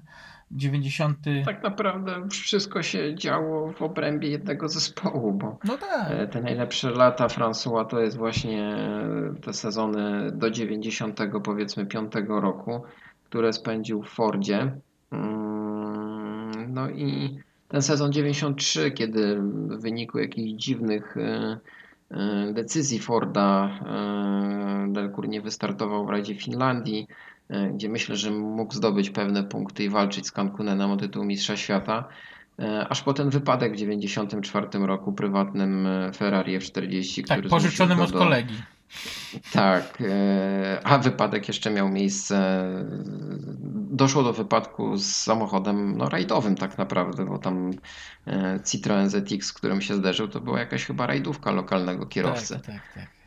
E, Także no paradoks, e, no ale No i trzeba wspomnieć, bo, bo wspomniałeś o wypadku, natomiast trzeba powiedzieć, że ten wypadek wyeliminował go praktycznie z dużej części sezonu 9-5. 9-4, 9-4, 9-4, bo tu mówimy tak, o, o sezonie 9-4. 9-4. E, François pauzował i on tak wcześnie wrócił, bo on wrócił już na rajd Tysiąca Jezior, gdzie jeszcze wtedy miał nie jechać, ale jednak uparł się, że pojedzie i pojechał. E, Chociaż i tak inny kierowca Forda wtedy wszystkich pogodził, bo rajd wygrał Tommy Makinen, który został dokoptowany właśnie na ten jeden W rajd do ostatniej chwili, tak. w ostatniej chwili. No ale to dla Delcura e, to był taki koniec e, dobrych lat. No nie ukrywajmy. Po przygodzie z Fordem przesiadł się do Peugeota 306 Maxi, spędził kilka sezonów w Mistrzostwach Francji, zanim wrócił do pełnego cyklu Mistrzostw Świata za kierownicą 206 WRC. Ale to już nie było to. Już François, pomimo że w 2000 roku był traktowany jako lider e, zespołu e, Peugeota, to jednak no, liderem w trakcie sezonu stał się samoistnie Markus Gronholm. E, Także François, dla mnie taka postać trochę tragiczna. E, No, nie udało się rzeczywiście e, osiągnąć e, największego sukcesu, czyli zdobyć tytuł Mistrza Świata, pomimo że rzeczywiście był szybki i na asfaltach, i na szutrach i e, w pełni zasłużył na ten tytuł. Trzeba jeszcze tu mocno przypomnieć o tragicznej jego postawie względem pilotów. Ja byłem w mm, szoku widząc jego dokonania w 2001 roku. No tak, najpierw chciał poważnie uszkodzić Daniela Grataloup, e, potem prawie doszło do rękoczynów e, w Lancerze z Dominikiem Savigioni, no i rzeczywiście, no, e, no gość, e, dla mnie niezwykła postać, no, zawsze e, narwany do tej jazdy, potrafił urwać e, fragment dźwigni zmiany biegów w fokusie WRC, e, no Uwielbiam oglądać onboardy z jego udziałem. No to, jest, to jest żywioł, to jest nieprawdopodobne. Jak ten gość reagował, jak on prowadził te samochody, jak walczył do samego końca. No, świetny, świetny gość. Ale dla mnie mimo wszystko w dalszym ciągu jak słyszę mm, nazwisko Delcourt, to gdzieś tam e, z tyłu głowy wybrzmiewa mi to Monte Carlo 91. J'ai pas tapé, j'ai perdu une roue J'ai perdu une roue. Putain, J'ai François, t'as fait rien, François fait rien. On sait, c'est bien tapé Ça fait rien, François Mam bardzo podobne odczucie względem naszego następnego bohatera, jakim był Bruno Thierry, bowiem Zmienimy kierowcę, ale nie zmieniamy samochodu. Zostajemy przy pechowym i awaryjnym Fordzie. i bardzo podobnej sytuacji, tylko tutaj Tak. nie zawinionej przez kierowcę. Tak, bo tutaj będziemy teraz e, mówić o rajdzie Korsyki 1995. Jedynej szansie na zwycięstwo w Mistrzostwach Świata e, dla niewysokiego Belga. Który, Świetnego kierowcy w e, ogóle. Mm. Świetnego kierowcy, tak. Ja tutaj zawsze będę Bruno bronił, bo e, tam czegoś brakowało, żeby być e, najlepszym na świecie, ale jednak Wiesz co, no właśnie, jego ale doświadczenie, no właśnie, jego doświadczenie tam było niebagatelne. uważam, że to był kierowca na skalę rajdowego mistrza świata. Tylko brakło takiego doszlifowania tego belgijskiego diamentu. No właśnie, tylko że Thierry moim zdaniem trochę za długo czasu, za dużo czasu spędził e, w zespole Opla i e, on wiekowo troszeczkę Mhm. już e, musiał nadrabiać, e, bo to jest rówieśnik Carlosa Sainza, a on dopiero wsiadł e, w 1994 roku za kierownicę fabrycznego Forda Escorta.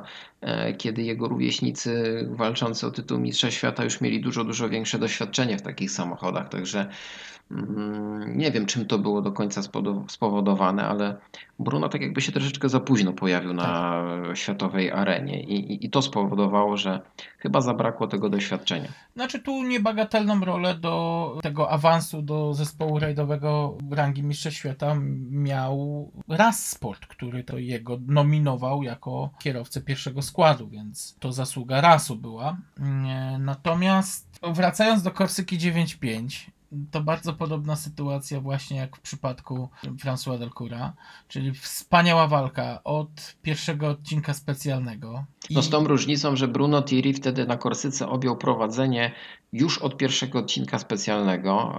e, Na pierwszym Oj, odcinku specjalnym egzekwo Nie, właśnie, bo A tutaj właśnie będę tak to podtrzymywał. Jednak Delcourt egzekwo z Thierry wygrał słynny odcinek Penitencier i potem e, już e, samodzielnie e, liderował w tym rajdzie i powiększał, powiększał sukcesywnie przewagę nad e, Didier Oriolem e, i, i, i François Delcourt. E, No i no jechał życiowy rajd. No. Był najszybszy, niezagrożony.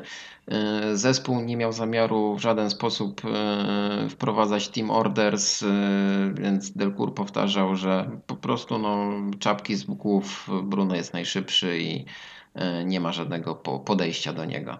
Także tutaj no wszystko, wszystko wskazywało na to, że, że wygra ten rajd.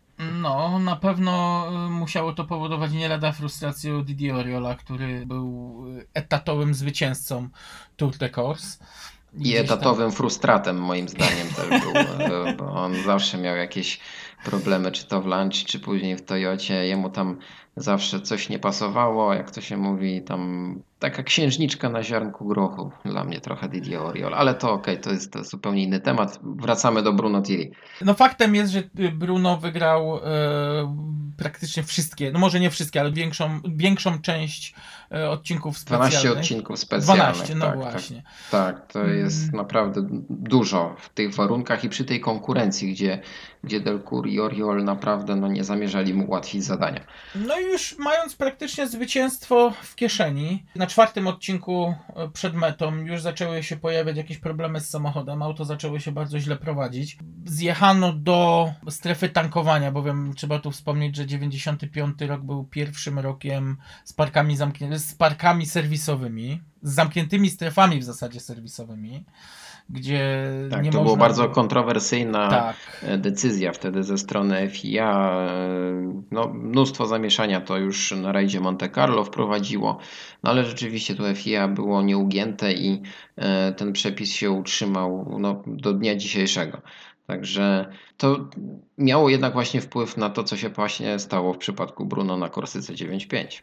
Tak, bo podczas tankowania samochodu, gdzie bus serwisowy z częściami, z mechanikami stał obok, Bruno wczołgał się pod samochód i zwrócił uwagę, że mm, nakrętka trzymająca, jedna z nakrętek trzymających piastę e, w lewym przednim kole po prostu nie istnieje, gdzieś zginęła. E, Cała piasta zaczyna się ruszać na, na boki, no i jedyną możliwością byłoby przykręcenie tego. Mm, Już też zauważono, że gdzieś e, zaczyna ulegać pęknięciu łożysko.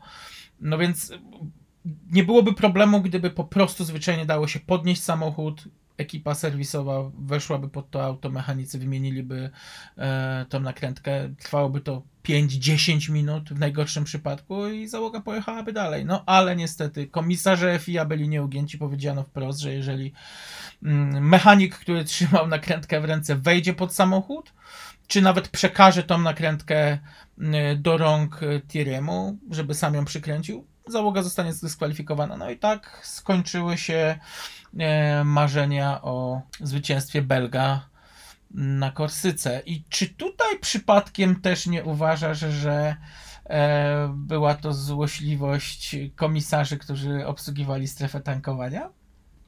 Nie, no tutaj wiesz, no przepisy wyraźnie mówiły. Tak jak powiedziałem, ten sezon 95 był bardzo kontrowersyjny. Tam e, wprowadzono dwie największe zmiany wtedy na początku tego sezonu, czyli właśnie te strefy serwisowe, e, wyznaczone miejsca do naprawy i serwisowania samochodów. Nie można było po każdym No odcinku, właśnie. gdzie tylko się chciało, naprawiać tych aut, jak to było dotychczas. A druga sprawa, no to były te stałe numery startowe, które też według niektórych e, w jakiś sposób wypaczały e, rywalizację. No przypomnijmy właśnie, że Fordy wtedy jechały e, z numerami 7, 8, 9, e, no bo za Bruno Thierry jeszcze jechał e, François Delcourt i trzecim autem jechał e, Patrick Bernardini. E, No Bernardini akurat e, nie liczył się w walce o zwycięstwo, ale o dziwo właśnie te wszystkie Fordy ukończyły rajd, oprócz auta Bruno Thierry. No, to było najprzykrzejsze. Ale widzisz, ja mimo wszystko będę, będę podtrzymywał taką wersję, którą gdzieś kiedyś od kogoś usłyszałem, kto był na tym rajdzie z mechaników. Ktoś, kto powiedział wprost, że to była nic innego, tylko złośliwość jednego z y, francuskich komisarzy, którzy obsługiwali strefę, bowiem y, w normalnych przypadkach po prostu kierowca taką nakrętkę mógłby znaleźć w samochodzie. Dobrze, no to tutaj po prostu przykręcić, natomiast... Takie, tak, No. wchodzimy w takie dywagacje właśnie na granicy y, przepisów, regulaminów i tak dalej. A pamiętać No. trzeba o tym, że pod y, nieobecność na mecie Bruno Thierry'ego Wright padł e, łupem Didi Oriola, który zagwarantował pierwsze w historii zwycięstwo Toyocie Celice ST205. No tak, i to zwycięstwo. I było E, to tak szóste tak zwycięstwo nic- Oriola. Tak, to tak, to. to Nie pobite do dzisiaj, ta- tak. Tak, że tutaj Oriolowi nie jesteśmy w stanie odebrać e, tej chwały i ilości zwycięstw na Korsyce, bo zawsze był tam bardzo szybki. E, No, f- oczywiście tam dla modelu ST205 tam zwycięstwo i tak nic nie dało, bo to w historii Toyota był chyba najgorszy samochód, e, jaki wtedy powstał. I chyba najgorszy sezon. Do, I tak, ale powracając właśnie do Forda, bo ja się zastanawiam jeszcze, jaki wpływ być może na tą awarię i, i, i na formę tego zespołu e, miał fakt e, serwisowania i przygotowania fabrycznych samochodów przez e, RAS. E, No bo to był pierwszy sezon, gdzie oficjalnie RAS był odpowiedzialny za przygotowanie fabrycznych eskortów. E, No i właśnie doszło do takiej sytuacji. Znaczy, ogólnie Znaczy, zespół musisz- był wiesz, bardzo dobrze przygotowany tak. na Korsykę. No, te samochody były bardzo szybkie i one tam e, no, widać było, że, że są bardzo dobrze przygotowane. Nawet tam taką zmianą z, e, charakterystyczną było to, że Ford zastosował sześciobiegowe zamiast siedmiobiegowych skrzyń biegów, żeby na tej Korsyce te auta jeszcze, jeszcze żwawiej się poruszały. Cóż z tego, jak e, lidera rajdu wyklucza no, taka błahostka. No właśnie. Wracając jeszcze do tematu samego RS-u, no trzeba pamiętać, że był już to w tamtym czasie tuner, który miał duże doświadczenie w przygotowaniu samochodów do Mistrzostw Świata, bo przecież y, pamiętajmy o romansie Forda jako mm, zespołu fabrycznego i RS-u w przypadku y, Forda Sierra, więc y, to już był doświadczony tuner, który wiedział co robi. No. No tak, rozmawialiśmy o ten, na ten temat, kiedy mówiliśmy o, o, o Fordzie Sierra. E, rzeczywiście RAS miał bardzo duże znaczenie e, dla, dla marki Ford. Mm, no i drugie No miejsce Delcura też o czym świadczy, prawda? tak, tak, bo tam bardzo e, konkurencyjny Delcourt był do samego końca. Tam w zasadzie jakiś jeden niewielki błąd Oriola czy Kapeć spowodowałby pewnie, że to Delcourt by otwierał zwycięskiego szampana. E, Bruno myślę, że tam chyba jeszcze czasami przy piwku belgijskim sobie przypomina ten rajd i tak e, próbuje sobie osłodzić e, gorycz tej porażki. Mm, No ale to przeszło jednak do historii jako takie no, jedno z najbardziej przykrych, przykrych awarii. No bo już potem Bruno nigdy nie wygrał żadnego rajdu rangi Mistrzostw Świata i tak naprawdę e, tendencję miał spadkową e, i bardziej skupiał się na rajdach lokalnych i na Mistrzostwach Europy. Bruno, we were expecting Carlos. What happened? He's here, 300 meter. Engine. The bonnet is open. Unbelievable. Here, 300 meter. You can run to. He's there. No to co? Teraz chyba trzeba powiedzieć o największym pechowcu w historii rajdowych Mistrzostw Świata, no bo ja nie jestem w stanie inaczej określić tego, co przydarzyło się temu kierowcy wtedy. 98 rok i rajd Wielkiej Brytanii, tak? No właśnie. No sytuacja przed rajdem bardzo ciekawa. Zresztą y, Rajda Racing zawsze był miejscem takich rozgrywek y, pomiędzy kierowcami, zespołami, gdzie kilka osób miało szansę na tytuł i, i wszystko rozgrywało się na walijskich drogach przeważnie. W 98 roku e, pamiętasz może różnicę punktową pomiędzy Sańcem, jak to wyglądało? Pomiędzy Carlosem Nie Sańcem a Tomiem pamiętam, McKinnonem? nie pamiętam dokładnej różnicy punktowej, ale no, w przypadku nieukończenia rajdu przez Makinena Sainzowi wystarczyło czwarte miejsce do tego, żeby dowieść trzeci tytuł Mistrza Świata Kierowców. Ja nie chcę teraz y, tutaj jakichś y, alternatywnych historii pisać, natomiast jeżeli któryś z naszych słuchaczy pamięta, to prosimy o sprostowanie, jeżeli powiem coś źle. O ile dobrze kojarzę, to Makinen musiał zdobyć jeden punkt, a Sainz, żeby mm, zdobyć tytuł, musiał musiał przywieźć, m- przepraszam, musiał być czwarty pod nieobecność Makinena. No, czyli wychodzi na to, że e, obaj panowie musieli się skupić e, na swojej jeździe, e, na swoim zadaniu, tak? Dla Tomiego sytuacja była prosta. W jego zasięgu był trzeci tytuł Mistrza Świata z rzędu, co było oczywiście istotne, bo wtedy właśnie przechodził do historii jako pierwszy kierowca, który tego dokona. E, No a dla Carlosa no oczywiście też to było istotne, ponieważ dla niego też e, jawiła się szansa na zdobycie trzeciego tytułu Mistrza Świata e, za kierownicą Toyoty. Znowu Toyoty, bo poprzednie dwa tytuły też przecież zdobył dla Toyoty. Więc obaj panowie mieli konkretne zadania do wykonania, no i pierwszy od razu problemy miał właśnie Makinen. To jest też ciekawe, bo Makinen bardzo mm, delikatnie zaczął ten rajd, to znaczy nie próbował atakować tak, żeby, żeby być pierwszym, natomiast bardzo rozważnie, trzymając się gdzieś z tyłu stawki w okolicach 9-10 miejsca, tam bodaj na drugim czy trzecim odcinku wykręcił drugi czas. E, mm, Chyba nawet, żeby było śmiesznie, bo przypomnijmy, że w tym rajdzie brał udział również, y, startował również Krzysztof Hołowczyc, więc y, oni tam gdzieś nawiązywali ze sobą walkę, co nieczęsto się zdarzało na światowych odcinkach specjalnych. Tak, ten pierwszy etap, tak zwane te Mickey Mouse, y, Tak, e, te odcinki na Silverstone, no, pod kątem kibiców, ale tam zawsze się coś działo i to nie był przez to łatwiejszy etap. To był tak samo trudny etap jak wszystkie inne na tym rajdzie, więc e, no, trzeba było naprawdę być skupionym od samego początku i jechać ostrożnie. no właśnie. I, i tak jak powiedziałeś y, na temat Mickey Mouse'ów, czyli tych krótkich odcinków mocno pokazowych dla kibiców. Tak, siódmy odcinek specjalny nieopodal toru wyścigowego Silverstone okazał się bardzo pechowy dla e, pretendenta do tytułu Mistrza Świata Tomi Makinena. E, Tomi na jednym z lewych zakrętów troszkę za szeroko wypuścił e, tył samochodu, co było podyktowane plamą oleju pozostawioną przez jeden z samochodów e, klasy historycznej, które jechały przed prawdziwymi rajdówkami. No i na tej plamie oleju ten tył wyjechał, uderzając w taką betonową, betonowy blok. Na tym bloku tylne prawe zawieszenie po prostu zostało. No i w No, warunkach. tam to koło bardzo szybko e, e, zaczęło żyć własnym życiem i e, Opuściło od, separowało tak. się, tak, odseparowało się od reszty samochodu.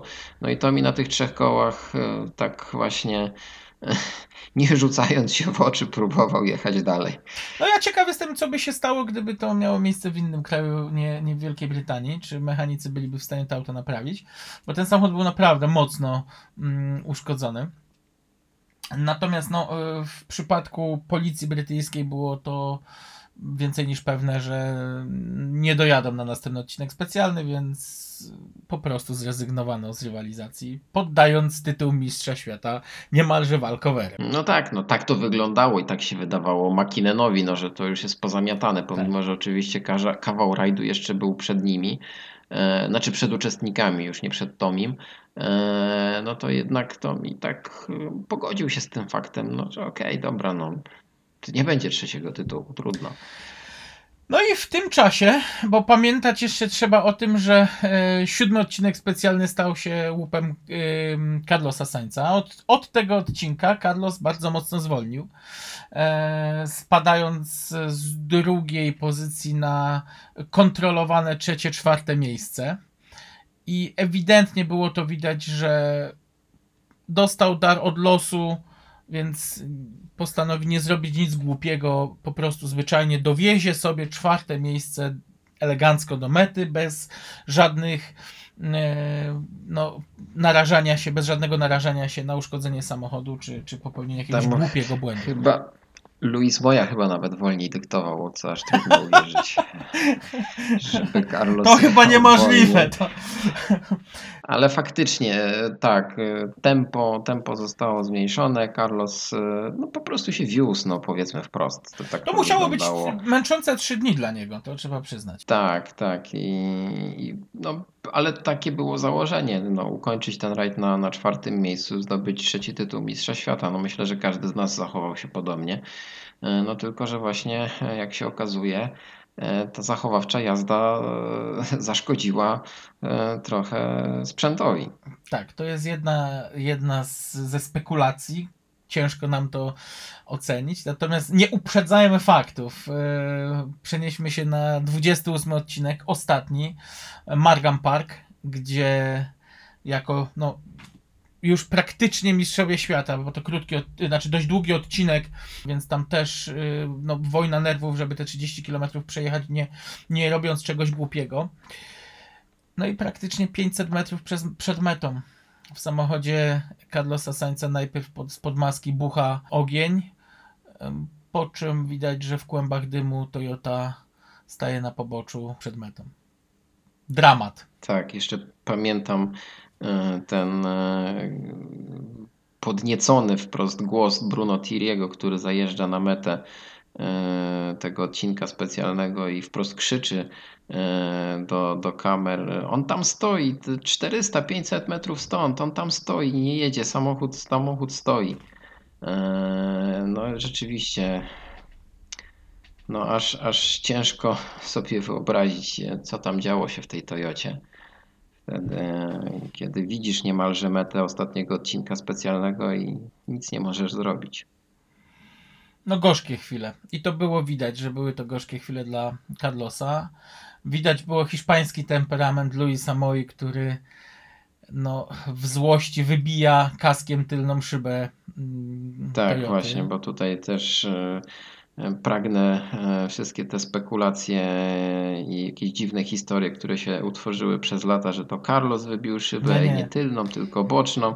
Już różne historie na ten temat słyszałem. Tak, to Luis Moja e, w przypływie takiej kontrolowanej złości, jak ja to mówię, e, rzucił kaskiem w tylną szybę i tam wtedy e, ta końcówka już e, odbywała się bez spoilera. Ten samochód właśnie. nie miał tylnego spoilera, jak pamiętasz. Tak.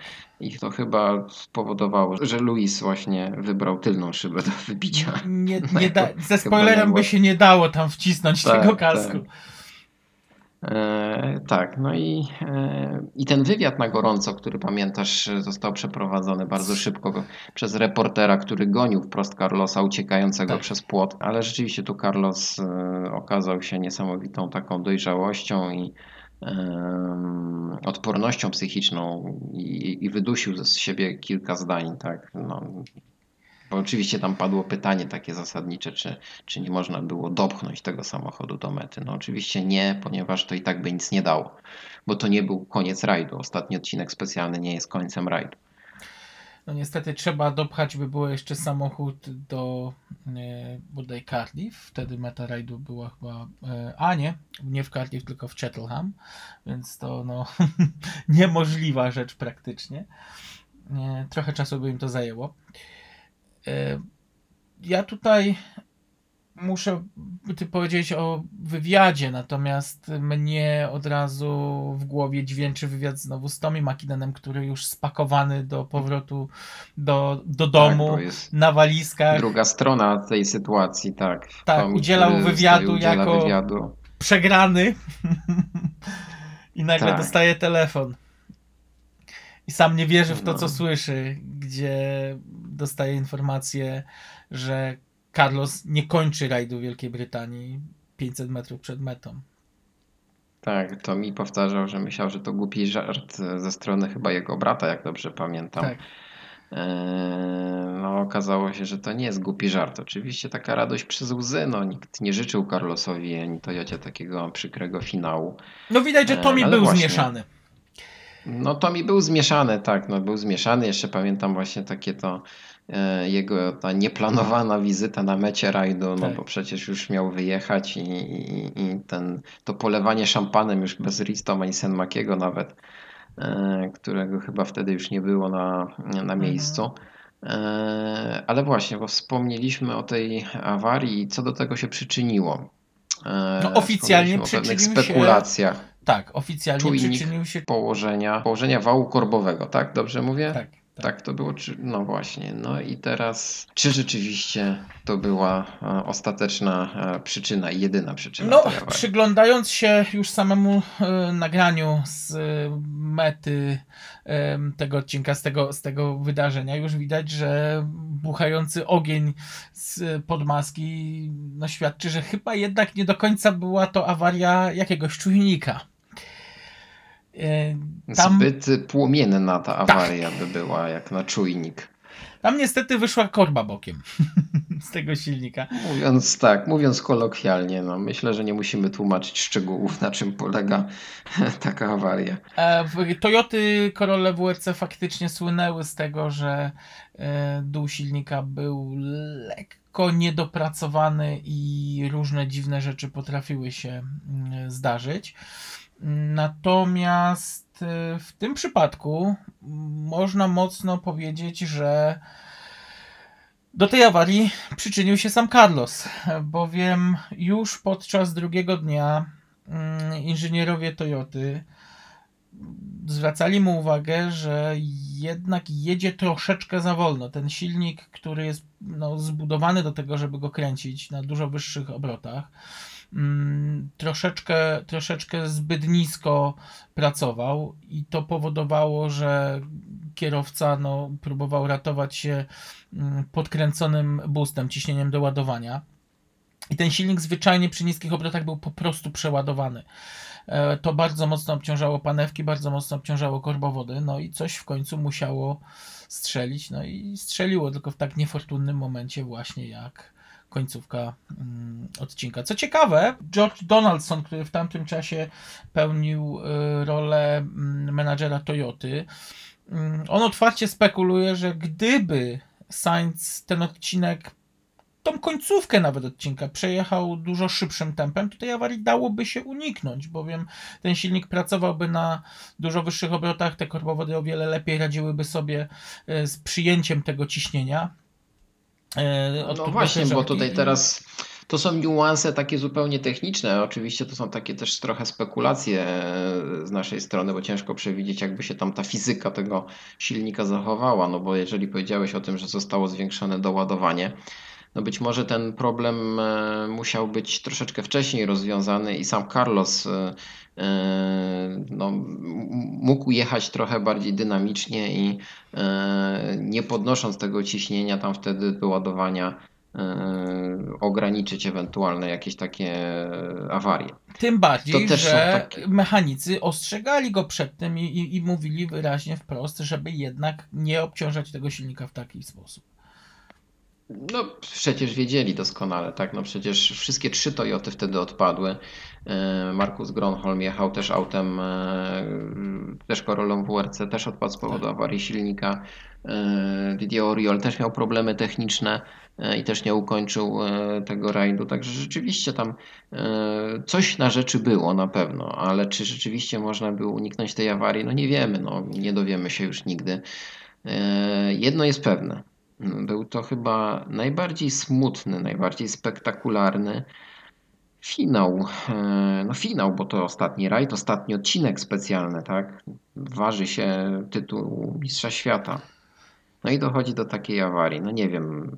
Dla mnie Carlos dźwignął ten temat w bardzo profesjonalny sposób, no bo przecież e, w 99 roku w dalszym ciągu w Toyocie Co prawda nie walczył już o tytuł Mistrza Świata, ale jednak przez wiele, wiele następnych sezonów w dalszym ciągu był konkurencyjnym kierowcą. I choć mu się już nie udało zdobyć tytułu Mistrza Świata zarówno ani w Fordzie, ani w Citroenie, to jednak e, moim zdaniem jednak e, z perspektywy czasu zasłużenie zdobył ten tytuł najlepszego kierowcy wszechczasów, który został ogłoszony przez e, FIA jakiś czas temu.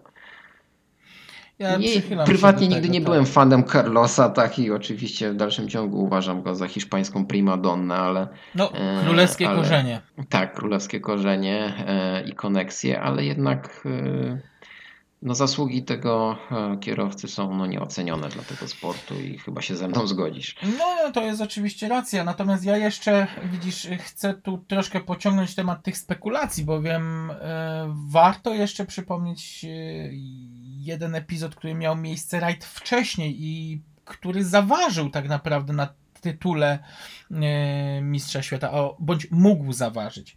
Pamiętasz, y, przed rajdem Wielkiej Brytanii mieliśmy do czynienia z y, takim incydentem na, e, podczas rajdu Australii.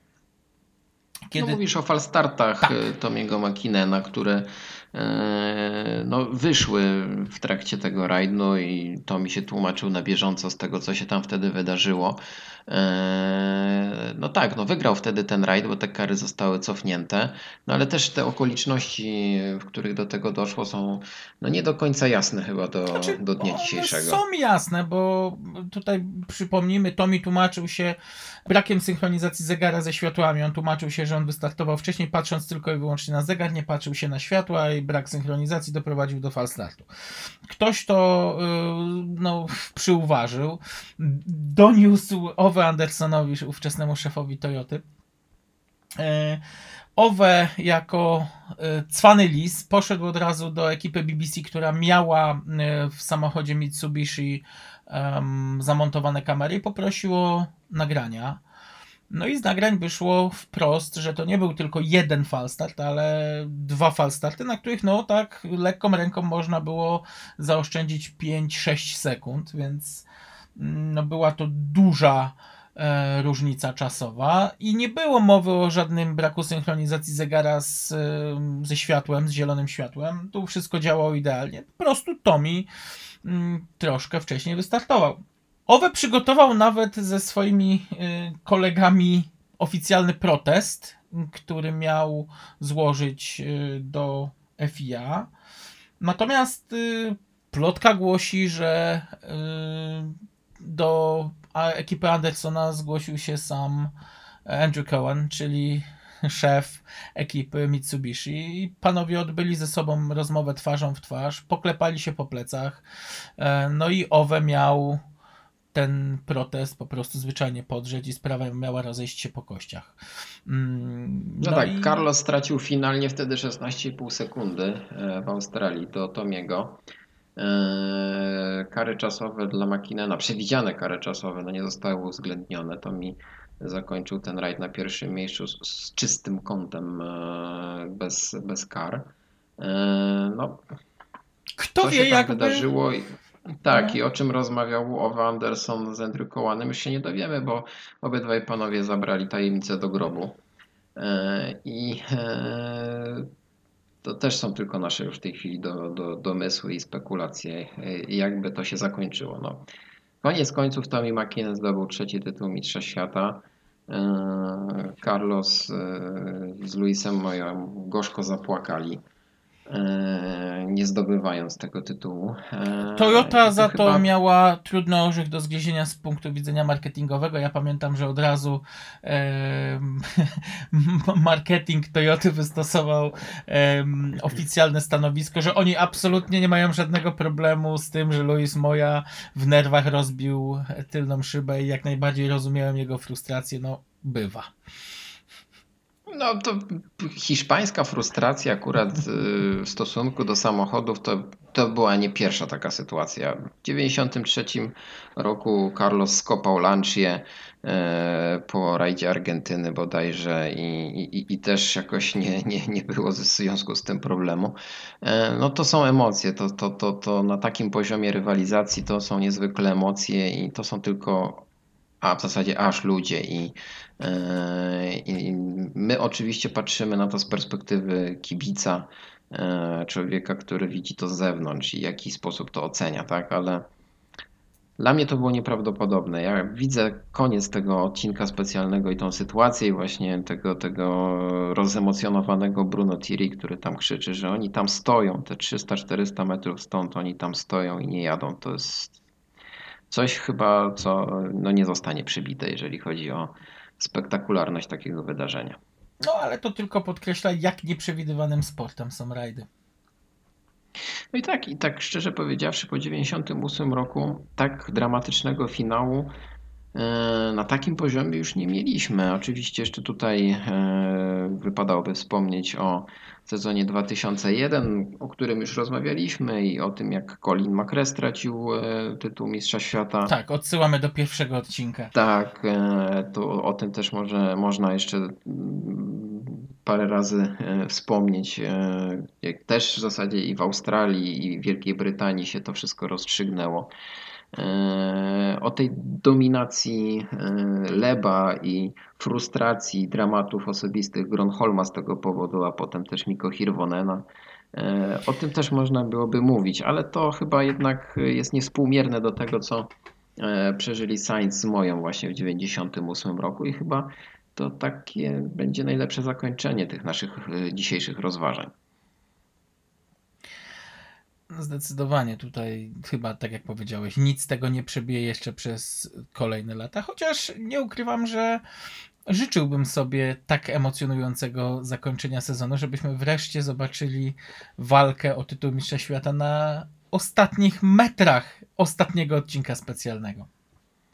No te łzy, o których wspomniałeś na początku naszej rozmowy, no, miały miejsce w różnych okolicznościach. No, na przykład dla mnie bardzo emocjonującym rajdem, kiedy ja sam poddałem się naprawdę emocjom, był rajd Finlandii na przykład 2016, kiedy niespodziewanie wygrał Chris Meek, a trzeci był Craig Breen i tak naprawdę obaj płakali ze szczęścia wtedy.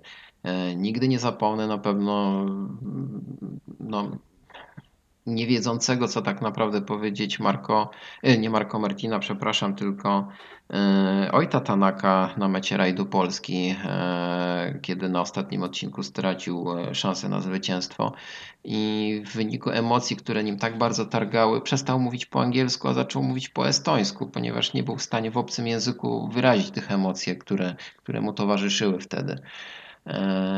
To są takie sytuacje bardzo ludzkie i powinniśmy chyba doceniać za każdym razem, kiedy jesteśmy świadkami właśnie takich finałów, takich sytuacji, bo przecież to są ludzie, tak? Oni, oni też mają swoje słabości i nie są terminatorami, którzy tylko potrafią wygrywać. I to doskonale było widać na przykładzie naszych dzisiejszych bohaterów. Ludzie z krwi i kości, a jednocześnie superherosi.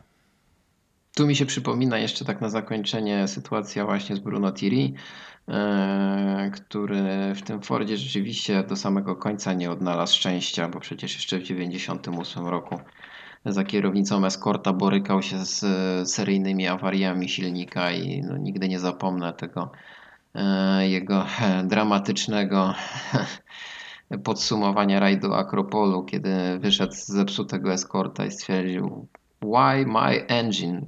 Tak. Czemu znowu mój silnik? Dlaczego nie silnik Cankunena, tylko mój, tak? Why my engine? Not uh, Mr. Cankunen. Always my engine. To są właśnie takie ludzkie, ludzkie czynniki, które ubogacają ten sport bardzo i póki, póki ludzie, a nie same samochody będą jeździć, bo mam nadzieję, że nie doczekamy takiego momentu, kiedy będą rajdówki autonomiczne, to ten sport właśnie będzie tak piękny i, i, i warto będzie o nim mówić.